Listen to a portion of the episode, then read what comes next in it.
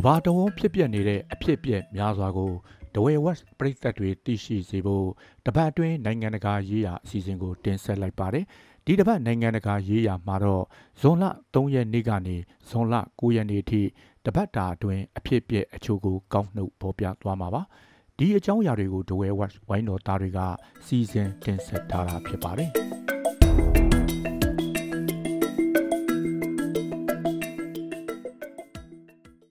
ကနေဒါနိုင်ငံအရှေ့ပိုင်းမှာယာနဲ့ကြီးတဲ့တောမီးတွေအကြီးအကျယ်လောင်နေလို့အဲ့ဒီကနေထွက်လာတဲ့မီးခိုးငွေ့တွေဟာအမေရိကန်နိုင်ငံလေထုကိုပါထိခိုက်နေပါတယ်။အမေရိကန်ပြည်ထောင်စုရဲ့နယူးအင်္ဂလန်ပြည်နယ်ကနေ တောင်ကယ်ရိုလိုင်းနားပြည်နယ်အထိအရှေ့ဘက်ကမ်းရိုးတန်းတစ်လျှောက်လေထုအခြေအနေဆိုးဝါးနေတာပါ။ဒါအပြင်အိုဟိုင်းအိုပြည်နယ်အင်ဒီယားနားနဲ့မီရှီဂန်အပါအဝင်အနောက်အလယ်ပိုင်းဒေသတွေမှာလည်းလေထုအရေးသွေးသတိပေးချက်ကိုထပ်တိုးကြေညာထားပါတယ်။ ဒီအခြေအနေဟာသတင်းပတ်ကုန်အထိဆက်ဖြစ်နေပွဲရှိနေတာပါ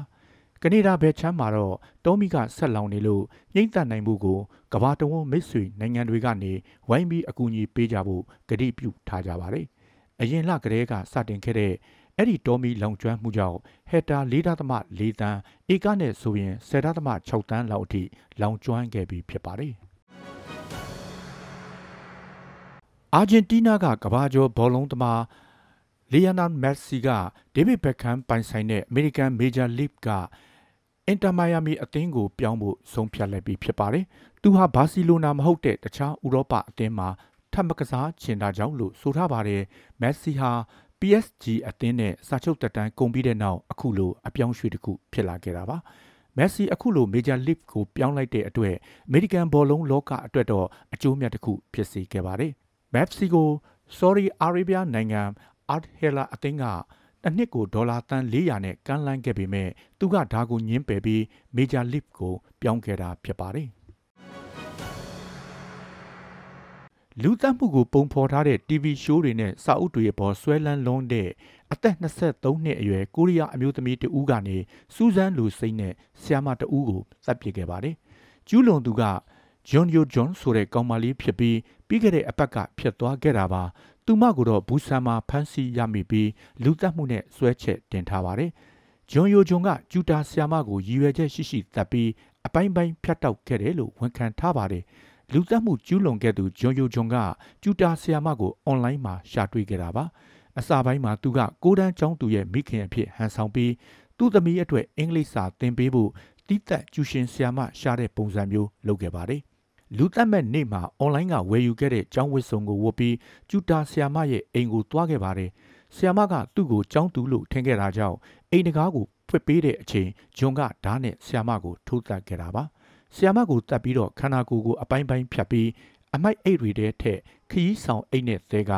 နန်တုံးမြစ်ကမ်းနာကတောထဲထားပစ်ခဲ့ပါတယ်။ တရုတ်နိုင်ငံမှာ73နှစ်အရွယ်မိန်းကလေးငယ်ကဂိမ်းတွေဝယ်ဆော်ရင်းမိဘတွေစုထားတဲ့ဒေါ်လာ6300ကျော်ကိုမိုဘိုင်းဖုန်းကဂိမ်းတွေဝယ်ဆော်ရင်းသုံးဖြုံးပစ်ခဲ့ပါတယ်။တရုတ်နိုင်ငံဟီနန်ပြည်နယ်မှာနေထိုင်တဲ့ကျောင်းသူလေးဟာဂိမ်းဆွဲလန်းနေသူဖြစ်ပြီးသူ့အမေရဲ့ဘဏ်အကောင့်ထဲကနေဂိမ်းတွေဝယ်ဆော့တာဂိမ်းထဲမှာပစ္စည်းတွေဝယ်တာမျိုးတွေလုပ်ခဲ့ပါတယ်။ဒါပေမဲ့လည်းသူမဟာဖုန်းထဲကငွေစင်းမှတ်တမ်းတွေကိုဖျက်ပစ်ပြီးသူ့အမေမသိအောင်ဖုံးကွယ်ခဲ့တာပါ။ သူ့အတွက်ဂိမ်းဝယ်ယူရာကနေယွမ်3သိန်း3000သုံးဆွဲခဲ့ပြီးအတန်းဖော်တွေကိုယွမ်3သိန်းဖို့ဂိမ်းတွေဝယ်ပေးခဲ့ပါတယ်။ကျောင်းသူလေးဂိမ်းဆွဲနေတဲ့အကြောင်းကိုသူ့ဆရာကမိဘတွေထံလာပြောမှပဲသိခဲ့ကြတာပါ။သမီးဖြစ်သူကဂိမ်းတွေဝယ်ဆော့တယ်ဆိုတာကိုမသိင်ကလို့ဘဏ်အကောင့်ကိုစစ်ဆေးကြည့်တော့မှယွမ်၄သိန်း4900အမေရိကန်ဒေါ်လာ6300ထည့်ထားတဲ့ဘဏ်အကောင့်ထဲမှာ3.5ယွမ်ပဲကျန်နေတာတွေ့ရပါတယ် ဘင်္ဂလားဒေ့ရှ်နိုင်ငံမှာနှစ်ပေါင်း90အတွင်းအပြင်းထန်ဆုံးအပူလိုင်းဖြတ်တဲ့တန်းကြောင့်စာတင်ကျောင်းထောင်ပေါင်းများစွာကိုပိတ်ထားခဲ့ရပါတယ်။တော်တော်များများမှာလျှက်စစ်တအားပြတ်တောက်နေကြတာလည်းတွေ့ရပါတယ်။မြို့တော်ဒါကာမှာအပူချိန်40ဒီဂရီစင်တီဂရိတ်အထိမြင့်တက်ခဲ့တဲ့အတွက်ဒေသခံတွေကအပူဒဏ်ကိုအလူလဲခံနေကြရတာပါ။ဘင်္ဂလားဒေ့ရှ်မှာ1980ခုနှစ်လွတ်လပ်ရေးရပြီးကတည်းက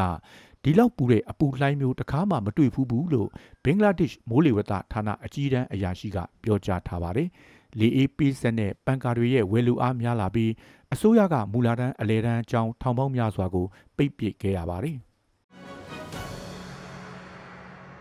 Apple ကနေ Vision Pro headset ကိုစတင်မိတ်ဆက်လိုက်ပါတယ် Vision Pro headset က လက်တွေ့ကဘာနဲ့ပုံရိပ်ရောင်ကဘာကိုတည်သက်စွာပေါင်းစပ်ပြီးပြီး digital အကြောင်းအရာတွေကိုကိုယ်ပြီးနားမှာဖြစ်ပျက်နေတဲ့အရာတွေလိုတွေ့မြင်ခံစားရမယ်လို့ Apple ကဆိုထားပါတယ် Vision Pro headset ဟာဘက်ထရီထည့်သွင်းပါရှိပြီးအမေရိကန်ဒေါ်လာ3499ကျာတင်မှာဖြစ်ပါတယ်။ဒါကတော့ဈေးကွက်ထဲကတခြားပစ္စည်းတွေနဲ့ရှင်ရင်တော်တော်လေးဈေးများပါတယ်။ Vision Pro headset ကိုလာမယ့်နှစ်ကစပြီးစတင်ရောင်းချသွားဖို့စီစဉ်ထားပါတယ်။ ယူကရိန်းနိုင်ငံခက်ဆွမ်ဒေသမှာဇွန်လ6ရက်နေ့ကကာဖဟိုကာရေကာတာပုတ်ကွဲသွားတဲ့အတွက်အနီးနားကမြို့တွေပေါ်ရည်ကြီးရေရှမ်းဖြစ်ပြီးဒေသခံတွေသွားလာရေးခက်ခဲကုန်ပါတယ်။ရုရှားသိမ်းပိုက်ထားတဲ့နယ်အတွင်းကရေကာတာတစ်ခုပုတ်ကွဲကျိုးသွားတာပါ။ဒါကြောင့်နစ်ပရိုမြကန်းတစ်လျှောက်ကလူပေါင်း2400ကျော်ကိုဘေးလွတ်ရာရွှေ့ပေးခဲ့ကြရပါတယ်။ယူကရိန်းအောက်မှာရှိနေတဲ့မြို့ရွာပေါင်း40လောက်ကရေလွှမ်းမှုနေပါတယ်။ ရုရှားလက်အောက်ကနယ်တွေလည်းရေလွှမ်းမိုးနေပြီးခရိုင်၃ခရိုင်ကိုရွှေ့ပြောင်းမယ်လို့ရုရှားတင်မြှောက်ထားတဲ့အုပ်ချုပ်ရေးအဖွဲ့ကဆိုထားပါတယ်။ရေကာတာကျိုးပေါက်မှုကိုတော့နှစ်နိုင်ငံအပြန်အလှန်ဆွဆွဲထားကြပါတယ်။အီရန်နိုင်ငံဟာအတန်ထက်15ဆန်မြန်တဲ့အမြန်နှုန်းနဲ့အကွာအဝေး1400ကီလိုမီတာအထိပြန်သန်းနိုင်တဲ့ hypersonic ဒုံးကျည်အမျိုးအစားတစ်ခုကိုဇွန်လ6ရက်နေ့ကထုတ်ပြလိုက်ပါတယ်။ အခုဒုံးကျည်ကပက်ထိန်ဒုံးကျည်ကာကွယ်ရေးစနစ်တွေအပါအဝင် လေကြောင်းရန်ကာကွယ်ရေးစနစ်တွေအားလုံးကိုကြော်ဖြတ်နိုင်တယ်လို့အီရန်စစ်တပ်ကဆိုထားပါတယ်။ဒါပေမဲ့ဒါဘယ်လောက်မှန်မလဲဆိုတာကတော့တိကျအတိမပြုတ်နိုင်သေးပါဘူး။ဖာတာလို့အမည်ပေးထားတဲ့ဒီဒုံးကျည်မိတ်ဆက်ပွဲကိုအီရန်သမ္မတအီဗရာဟင်ရိုက်စီကိုတိုင်တက်ရောက်ခဲ့ပါတယ်။ဒုံးကျည်အသစ်အကြောင်းကိုလည်းအရင်ရက်တွေကတည်းကကြော်ညာတာတွေလုပ်ခဲ့တယ်လို့ပြင်ဆင်မှုတွေဇက်တိုက်လုပ်ခဲ့တာပါ။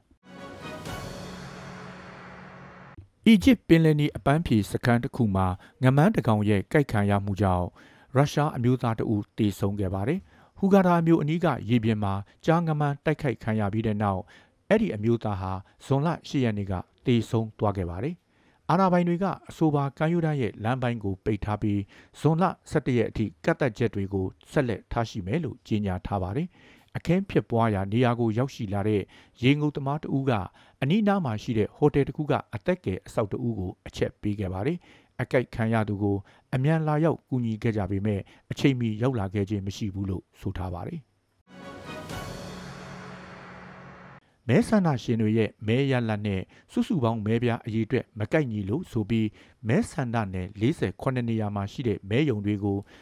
ပြန်ရည်တွက်ဖို့ထိုင်းရွေးကောက်ပွဲကော်မရှင်ကညွှန်ကြားလိုက်ပါတယ်။မဲပြန်လည်ရည်တွက်တာကိုဇွန်လ17ရက်နေ့မှာစတင်ဖို့ပြင်ဆင်နေကြတာပါ။အနိုင်ရပါတီတွေရဲ့ရလဒ်ကိုတော့ဇွန်လထဲမှာပဲထုတ်ပြန်နိုင်လိမ့်မယ်လို့မျှော်လင့်ရပါတယ်။ပြန်လည်ရည်တွက်မဲ့ခရိုင်16ခရိုင်ထဲမှာ Move Forward ပါတီက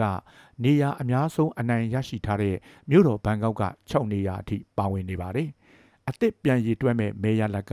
အချိုးကျခွဲဝေပေးတဲ့ပါတီလစ်အမတ်နေရာပေါ်သက်ရောက်မှုတွေရှိလာမှာဖြစ်ပါတယ်။ပရိသတ်ပေါင်းတို့စေရောကိုပါကျမ်းမာချမ်းသာကြပါစေကြောင်းနဲ့ကပ်ဘေးအမျိုးမျိုးကနေအမြန်ဆုံးလွတ်မြောက်ကြပါစေကြောင်းဒဝဲဝက်ဝိုင်းတော်သားတွေကစုမုံကောင်းတောင်းပန်ပါတယ်။နောက်ပတ်မှာလည်းနိုင်ငံတကာရေးရာစီစဉ်ကိုစောင့်မျှော်အားပေးကြပါအောင်ခင်ဗျာ။